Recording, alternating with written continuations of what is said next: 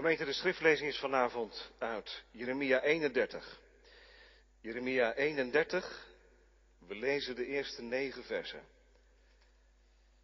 Schriftlezing voor vanavond Jeremia 31, vers 1 tot en met 9. Daar lezen wij het woord van de Heer als volgt.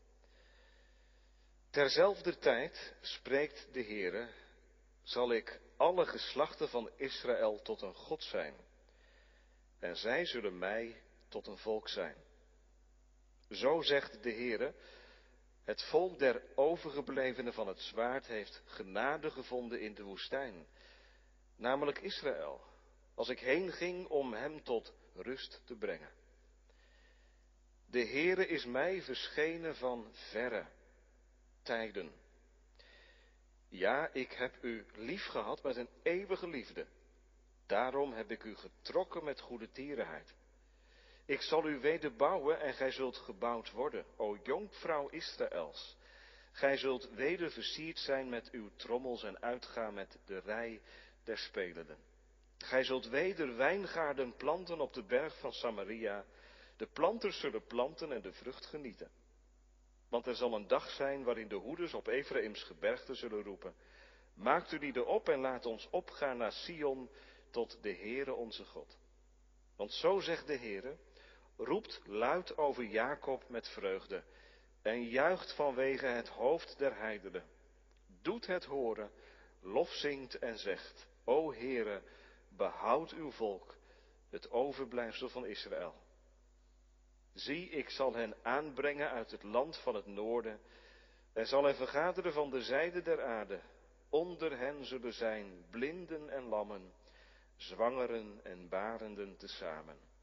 Met een grote gemeente zullen zij herwaarts wederkomen. Zij zullen komen met geween en met smekingen zal ik hen voeren. Ik zal hen leiden aan de waterbeken, in een rechte weg, waarin zij zich niet zullen stoten. Want ik ben Israël tot een vader en Ephraim, die is mijn eerstgeborene. Tot zover het woord van God. De spits voor de verkondiging is vers 3. Jeremia 31, vers 3. Tekst voor de verkondiging. Deze woorden. De Heere is mij verschenen van verre tijden. Ja, ik heb u lief gehad met een eeuwige liefde. Daarom heb ik u getrokken met goede tierenheid. Gemeente, wij zongen net dat hij straft, maar naar onze zonde niet. Nou, dat hebben ze geweten in Israël. Zowel het eerste als het tweede. Het eerste, hij straft ons. Jazeker. Wat dacht u, gemeente? God is gekrenkt. God is getergd. Ook dat zongen we. In vers 4. Schoon zwaar getergd. En dan vervolgt het met langmoedig en weldadig, maar niettemin wel getergd. Ik weet niet of u wel eens getergd bent geweest. Wat is dat dominee? Getergd? Ik zou kunnen zeggen gekrenkt. Nou, dat is bijvoorbeeld als iemand die uh, goed gezind was, met wie je een goede band had, een goede verstandhouding, je door een opmerking of door een actie zo beschadigt, zoveel pijn doet, dat je daardoor gekrenkt wordt, diep geraakt gewond tot diep in je ziel. We zeggen dan, ik ben op mijn hart getrapt, op mijn ziel getrapt. Dat is gebeurd, gemeente, in de tijd van Jeremia. Jeremia, oordeelsprofeet, zeker. Veel hoofdstukken die bevatten oordeelsaankondigingen en oordeelsprofetieën. Het is een klein onderdeel van de profetieën van Jeremia waarin heel veel troost te vinden is. En de tekst voor vanavond is genomen uit dat kleine troostboek van Jeremia. Wij weten dat Jezaja zo'n troostboek heeft. Dat is wat groter. Jeremia's troostboek is klein. Drie hoofdstukken. Vanavond één vers uit dat troostboek. Een heel bijzonder vers. Want midden in het oordeel klinkt vers 3. De Heere is mij verschenen van verre tijden. Ja, ik heb u lief gehad met een eeuwige liefde. Daarom heb ik u getrokken met goede tierenheid. Boven de preek staat Gods liefdesverklaring aan ons adres. Gods liefdesverklaring aan ons adres, want dat is het. Twee gedachten. Allereerst letten we op de oorsprong van de liefde. De Heer is mij verschenen van verre tijden. Ja, ik heb u lief gehad met een eeuwige liefde. Dat gaat over de bron, over de oorsprong van de liefde. En dan in de tweede plaats over de trekkracht van de liefde. Ik heb u getrokken. Het koorden van goede tierenheid. Eerst dus de oorsprong van de liefde. Gemeente, dat is een wonder. Dat wij sowieso vanavond iets mogen horen over de oorsprong van de liefde. In de inleiding van de preek heb ik iets gezegd over de toorn en over het gekrenkt zijn van de Heer. Want dat is aan de orde van de dag geweest. Het volksbestaan van Israël. Het zijn de zonden van het volk geweest die scheiding hebben gemaakt tussen God en hen. Afstand. Dat is het eerste gemeente wat ons opvalt in dit vers, de afstand. Ik weet niet of er vanavond kinderen meeluisteren. Als er wel eens een keer iets voorvalt in het gezin, er is iets gebeurd wat vader of moeder niet fijn vindt. En vader zegt daar iets over, of moeder zegt daar iets over, en wat gebeurt er dan? Ja, je het gezicht van je vader betrekt, het gezicht van je moeder betrekt. Er ontstaat afstand. Je blijft wel kind, maar je ervaart, de verbinding is weg. Mijn vader is boos op me, mijn moeder is boos op me en dan trek je je terug. Is dat de schuld van je vader? Nee, dat is jouw schuld geweest. Jij hebt iets gedaan, iets gezegd, waardoor je vader toornig werd. Nou, zo is het ook bij het volk van Israël. Wij zijn geen slachtoffers, het volk van Israël is geen slachtoffer, maar dader, wordt verantwoordelijk gehouden voor wat ze gedaan hebben. En daarom zijn ze in ballingschap gevoerd. Dat is omdat God God is. God neemt geen loopje, God laat niet met de zonde, God laat zich niet met zich zollen.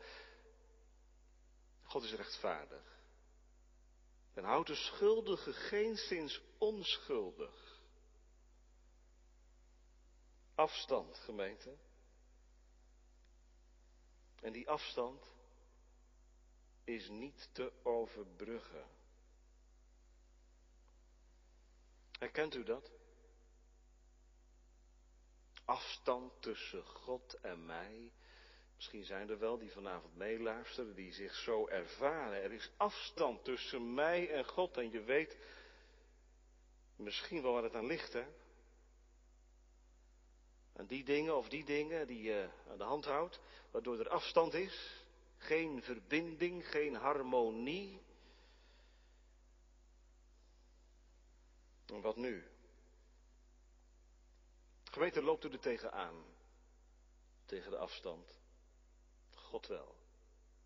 Al zou je nou vanavond meeluisteren en zeggen, nou ik heb helemaal niets met die afstand. Ik voel geen afstand. Valt volgens mij wel mee. Geweten, er is er iemand die vanavond het woord tegen u, tot u richt en die zegt, maar ik heb er wel last van.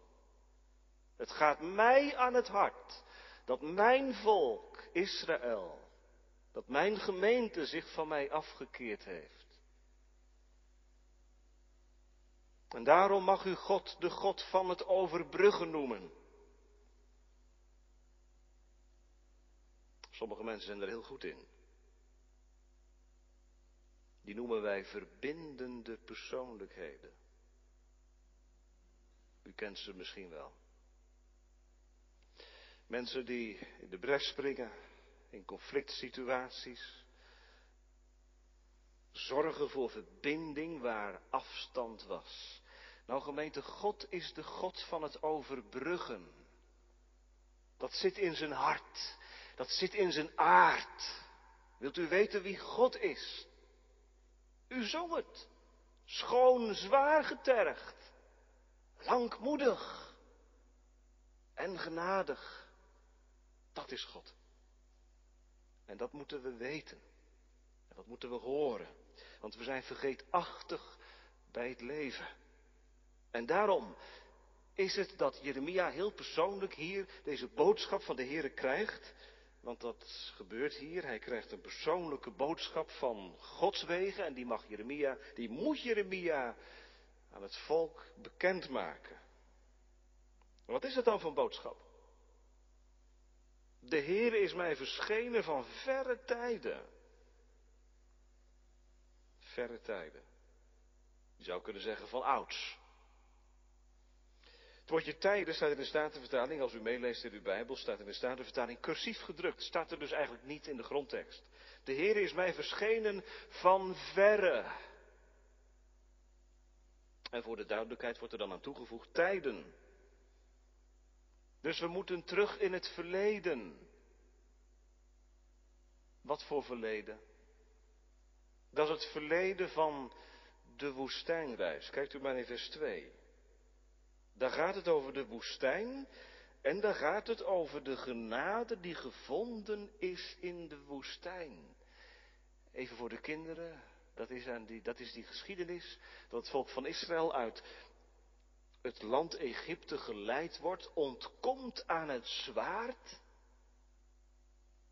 en gebracht wordt in het land van de rust. Dat staat ook in vers 2. Als ik heen ging om hem tot rust te brengen. Dus wat doet de Heer? De Heer herinnert Jeremia aan het verleden. Gods daden in het verleden, die moeten in gedachten gehouden worden. Waarom? Omdat, en dat weet u misschien wel, omdat hoe God omging toen met het volk van Israël een patroon blijkt te zijn voor hoe hij omgaat in de geschiedenis na de woestijnreis. Het is niet voor niets dat Jezaja, Jeremia en ook andere profeten vaak terugverwijzen naar die woestijnreis. En daar allerlei lessen uittrekken. De Heer is mij verschenen van verre tijden. Israël was het vergeten. Staarde zich blind. Ja, waarop eigenlijk? Nou ja, op wat voor ogen was. Doet u dat ook wel eens? Wat zie je? Wat is er aan de orde van de dag? Crisis. Met alle gevolgen van dien. U zucht er misschien wel onder. Je gaat eronder gebukt. Nou, het volk van Israël, dat ging er ook onder gebukt. Wat dacht u? Ballingschap, ver van huis, onheimisch. En dan te weten dat het je eigen schuld is.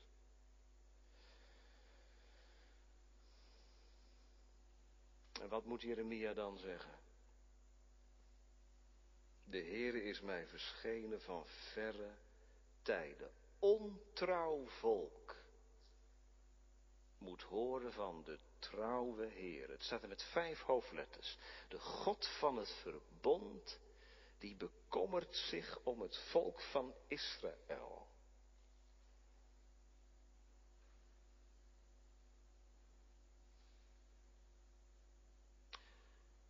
Het is gemeente alsof de pook van het woord in de kolen gestoken wordt om de kolen weer te laten gloeien. Als u een open haard hebt, dan weet u wat ik bedoel. kooltjes die kunnen bijna uitraken. Er komt een laag as overheen. En hoe voorkom je nou dat ze uitgaan? Als je met de pook erin gaat steken. Dan rakel je het vuur op. Gemeente, wat is Gods woord anders dan de pook die het vertrouwen oprakelt bij het verbondsvolk Israël, wat door eigen schuld gebracht is in ballingschap. De Heer is mij verschenen van verre tijden.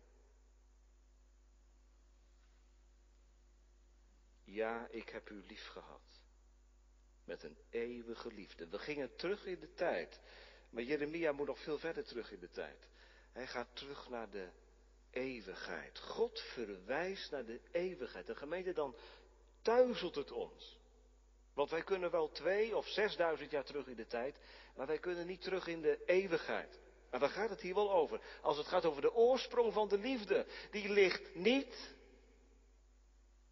in de woestijnreis, daar waar God zich bekommerde om het volk, die ligt ook niet in de opzoekende liefde van God richting Adam, net na de zondeval, maar die ligt al in de eeuwigheid, van voor de grondlegging der wereld, zal Paulus laten zeggen. Over die liefde gaat het.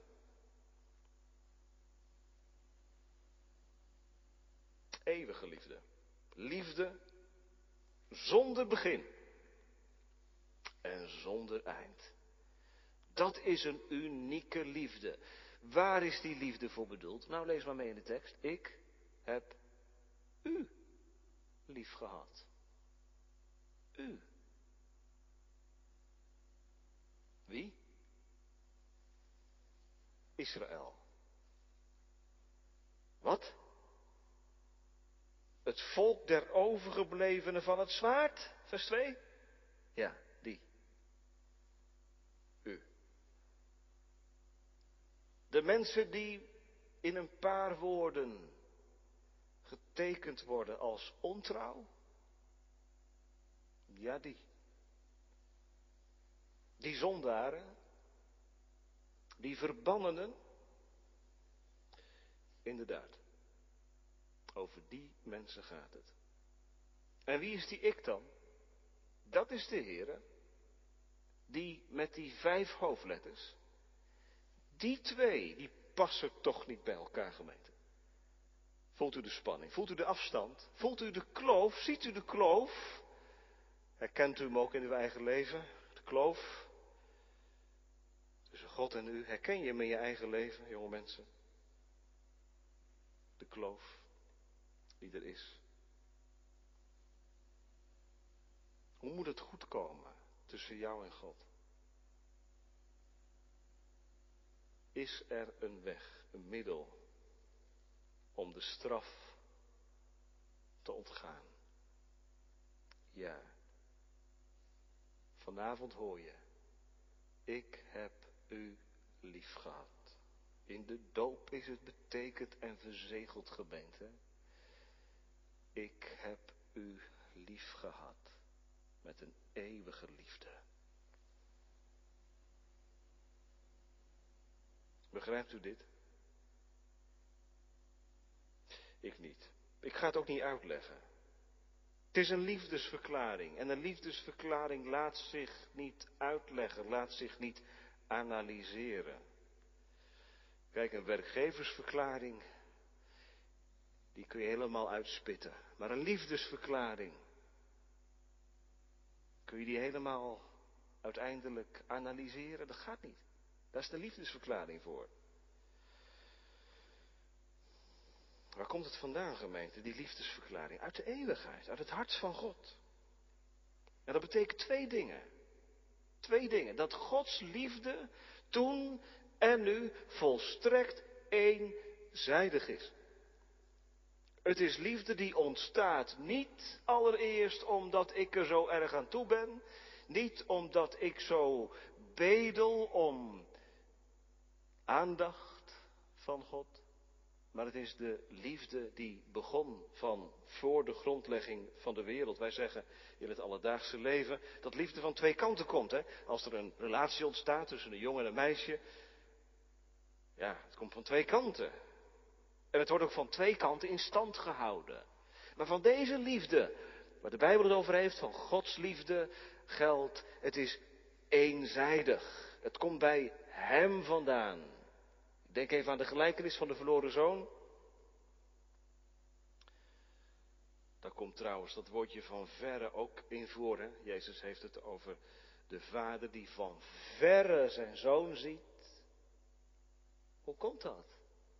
Omdat er in het hart van de vader liefde is. En die liefde was er ook toen zijn zoon het erf afging en het erfdeel van zijn vader verbraste. Die liefde bleef, hoewel gekrenkt, hoewel getergd, bleef die liefde. En die liefde wordt ervaren op het moment dat die zoon zich overgeeft in de armen van de vader en omhelst wordt. Dat is liefde, gemeente, zonder enige voorwaarde vooraf. En dat is het tweede, het is niet alleen eenzijdige liefde, het is ook onverdiende liefde. Gods liefde wordt niet opgewekt door iets in mij. Sterker nog, God wist van de afval van het volk van Israël. Toen het volk van Israël uitverkoren werd als volk, te midden van al die andere volken, wist God wat zijn volk zou gaan doen. Hij wist van de ontrouw en van het overspel. En desondanks, of ik kan beter zeggen, nochtans, nochtans was God met hen begaan. Gemeente, daar draait het leven van het geloof toen en nu op, op dat woordje. En ik zou u willen vragen, kent u dit woordje? In uw eigen leven, nochtans. En toch. Genade. Eeuwige liefde. Jongeren vragen wel eens, wie is God? Misschien is dat een vraag waarmee je loopt. Dat kan. Het kan ook een vraag zijn waar je wel eens over nadenkt als je s'avonds op bed ligt. Wie is God? Het is zo massief, zo abstract, zegt iemand. Zo ver af. Wie is God? De Nederlandse geloofsbelijdenis, artikel 1, geeft een prachtige omschrijving van wie God is. God is geen statisch wezen van ver, maar God is dynamisch in zichzelf. God is een overvloeiende fontein van alle goeds. Hebt u wel eens zo'n fontein zien staan in een stadscentrum? Kan prachtig zijn, hè? Zo'n fontein. Allemaal welvingen, schitterend. Maar wat als die fontein week in, week uit geen water doet opspuiten? Dan zegt u, ja, waar staat die fontein ervoor? Die fontein die staat er toch om, om water naar boven te spuiten. Hij moet in functie zijn. God is een fontein? Nee, God is een overvloeiende fontein van alle goeds. Dat gaat maar door. Een overvloeiende fontein, kinderen. Dat is een fontein met water. En dat water dat spuit omhoog. En dat water dat gaat over de rand heen. En dat bereikt dor en droge aarde. Hoort bij elkaar. Als jij nou vanavond luistert en zegt, als er één niet bij God past, ben ik het. Want er is zo'n afstand. Ik snap niet dat in deze tekst die twee woordjes zo dicht bij elkaar staan. Ik en u. Er is zo'n kloof. Ja, dat is schuld. Dat is je eigen schuld. Maar God zegt niet, nou dat is nou je eigen schuld. Maar God komt over de bergen van onmogelijkheid en over de kloof van zonde heen. Met een liefdesverklaring. Met eeuwige liefde. Wonderlijk is dat, gemeente. Kent u God als de God van overvloeiende genade? Voor de grootste van de zondaren. Hoe is dat toch mogelijk? In onze gemeente hebben we huwelijkskring. Al ligt het nu even stil. Maar op de eerste avond vraag ik altijd aan de stellen. En vertel, hoe heb je elkaar leren kennen? En wat spreek je nou aan in de ander? Nou, het laat zich raden. Dat zijn natuurlijk prachtige antwoorden die je dan krijgt.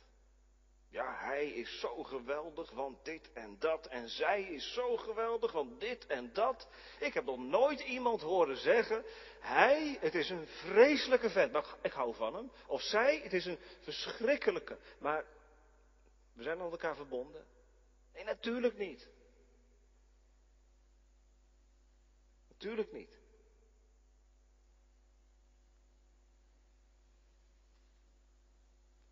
Maar zo is het wel, gemeente. Als het gaat om Gods liefde en de weerklank ervan in het leven van zondaren. Ik zo afzichtelijk, ik zo ongeschikt, ik zo huichelachtig, ik zo onrein, ik zo ontrouw. Of vul maar andere woorden in, hoe je je voelt en ervaart. Niet op jezelf, maar voor Gods aangezicht. Als je je vergelijkt met Hem, als je voor Hem staat, wat blijft er dan van je over, gemeente? Kun je hoog van de toren blazen in het publieke leven, maar voor Gods aangezicht zijn we maar hele kleine mensjes. Er blijft helemaal niets van ons over. We verschrompelen in het licht van Zijn heiligheid. Ik en u, Gemeente, dat kan alleen maar een, een botsing van je welste opleveren. Ik en u, God is ongenaakbaar. Ik en u, dat betekent doem en dood. Dat betekent straf en oordeel. Dat betekent weg met hem.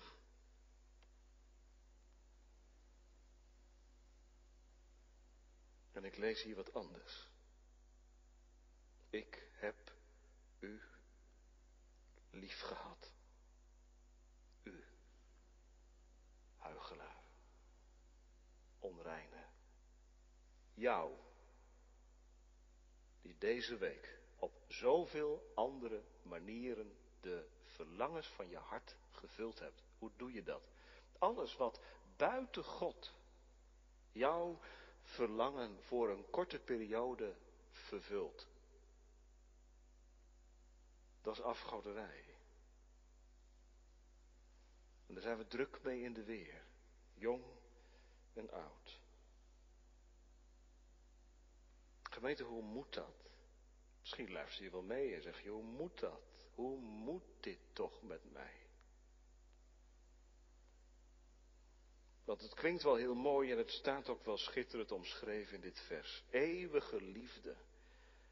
Ik heb u lief gehad met een eeuwige liefde, maar hoe, hoe, hoe komen we bij elkaar?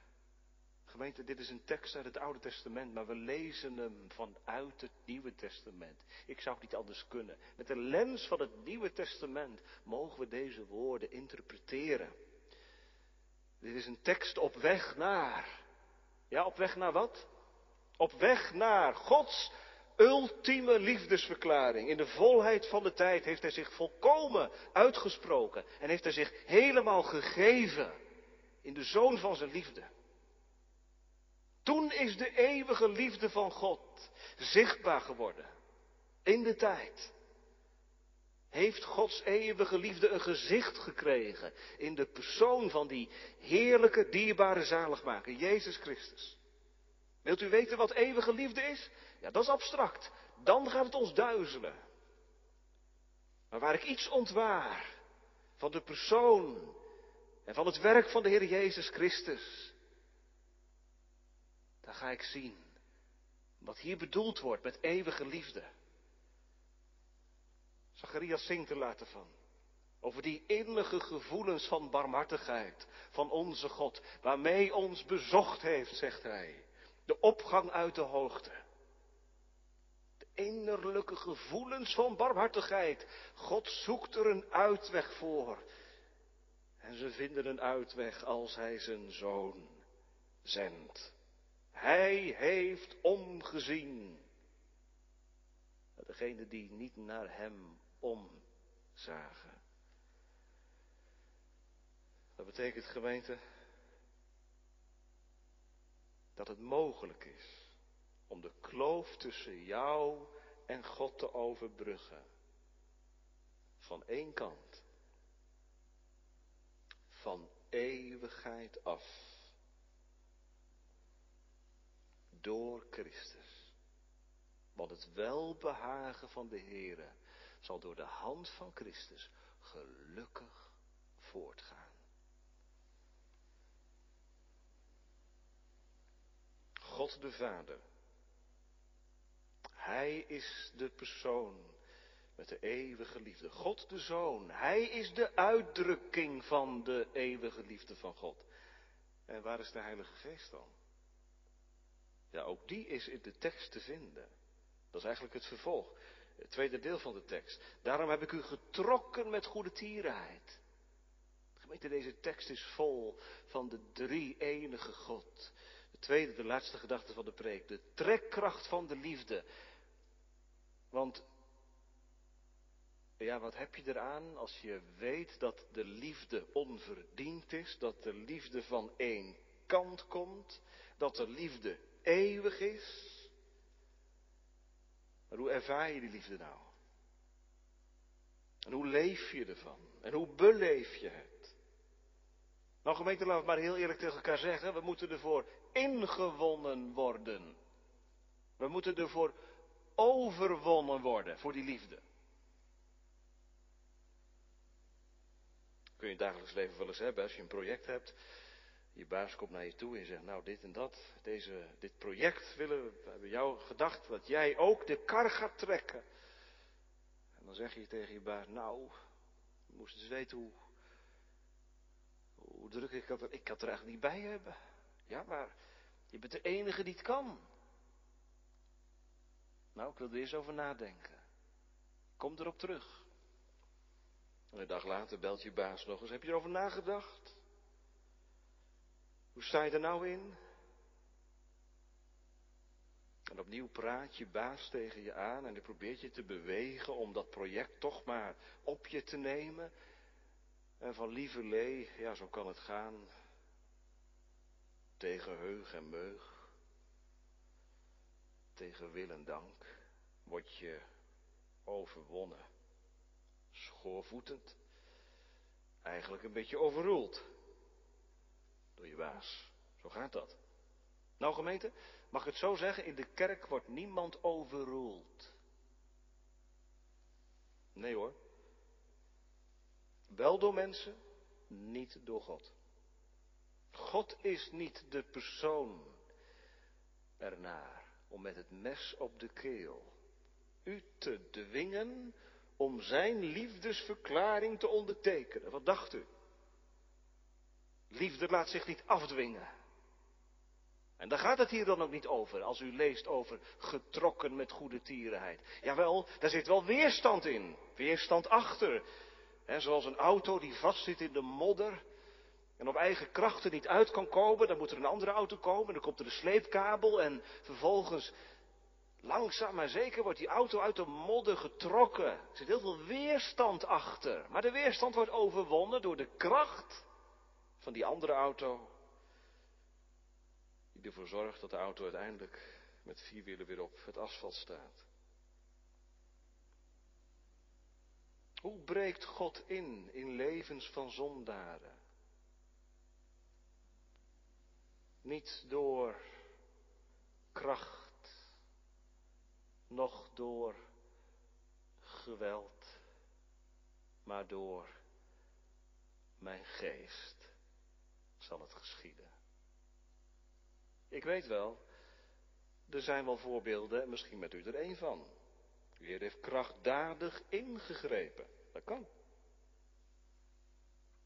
Kan de tijd en kan de plaats aanwijzen, zegt iemand. Kan. Maar leg het niet op als een regel aan anderen. Meestentijds werkt de Heer heel geleidelijk, langzaam maar zeker, zoals een druppel de steen uitholt door de verkondiging van het woord. We hebben van die spreekwoorden, ja, het was liefde op het eerste gezicht. Prachtig. Maar in de meeste gevallen was het toch al een oogje op de ander. En van het een kwam het ander. Langzaam maar zeker werd je ingewonnen voor de ander, door de ander. Maar nog nooit is er een gelukkig huwelijk gekomen van iemand die liefde afdwong. Ik wil dat jij met mij verder gaat. Nou gemeente, zo gaat God ook niet te werk. Al moet er heel wat water door de Rijn stromen, voordat zondaren, afgedwaald als ze zijn, komen tot Christus. Hij doet het met de aandrang van de liefde. Kijk maar. Ik heb u getrokken met rechtvaardigheid. Ik heb u getrokken met heiligheid. Staat er niet. Ik heb u getrokken met goedertierenheid. Zo gaat God te werk. Niet met harde hand. Dat was wel nodig, hè, vandaag in Eindhoven en Amsterdam, gisteren op Urk. Ja, de ME gaat niet vragen, zouden jullie alsjeblieft misschien. Nee.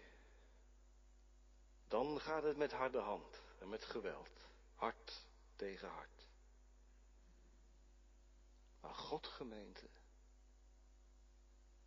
die milde vader, die goedertiere vader, die trekt met goedertierenheid. Geset, staat er in het Hebreeuws. Een eigenlijk onvertaalbaar woord. Misschien, misschien zou je het nog het mooiste, tenminste, dat is wel het meest duidelijk, denk ik, kunnen vertalen met het woordje vriendschap. Daar zongen we net van, hè? Hij is het. Kostbaar zinnetje.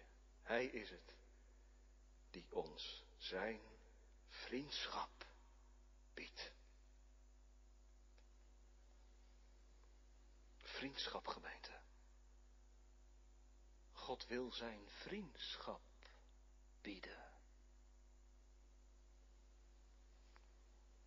En met hartstocht lokt en nodigt hij vanavond.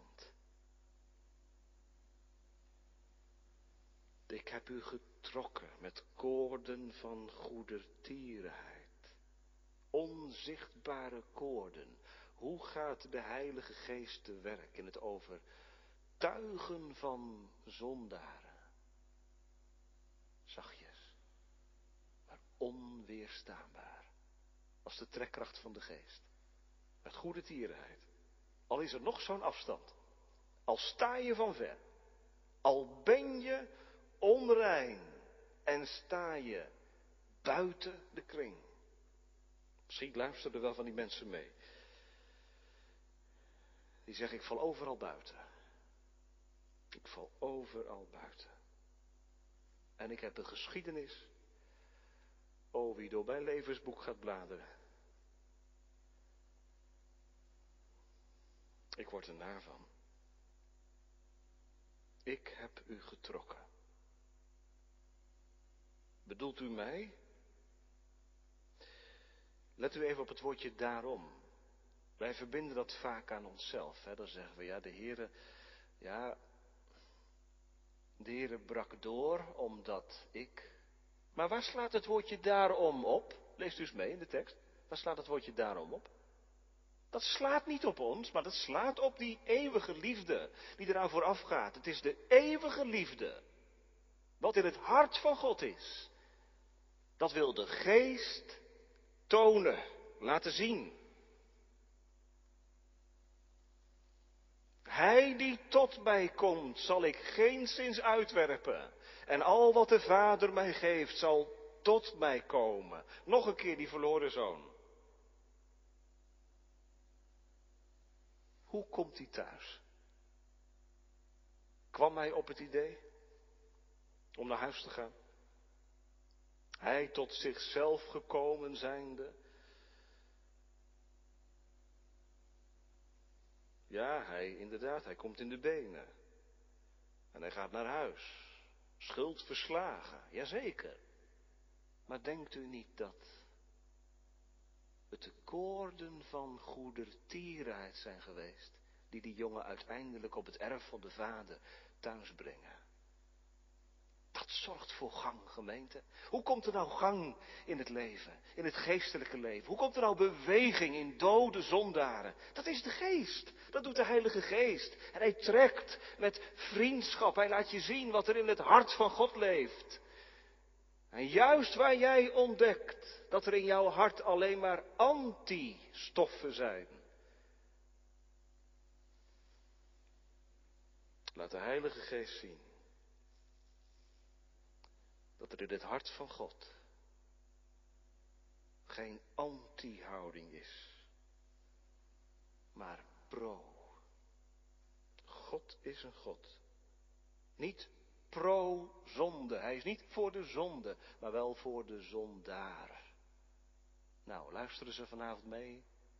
Mensen die zeggen, ik zet mijn handtekening eronder. Ik ben zondaar. En ik heb niks in te brengen. En ik heb niets verdiend. Ik kan alleen maar zeggen, ja, zijn liefde zocht mij.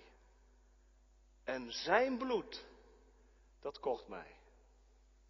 Door genade ben ik een kind van God. Nou, dat leer je voor het eerst, dat leer je ook steeds weer. Want dat is niet iets waar je bovenuit groeit. een kind van God gaat niet zeggen op een zeker moment, nou, dan weet ik het wel. Dit zit zus en zo. Dan tast je ernaast, gemeente, want verwondering is een wezenlijk kenmerk van het leven met de Heer. Waar geen verwondering is, daar vlakt het geestelijke leven af en dan holt het uit. Verwondering. Deze tekst roept ook verwondering op, wil ook verwondering wekken, ook in het leven van u, die de Heer kennen mag. Ik heb u lief gehad met een eeuwige liefde.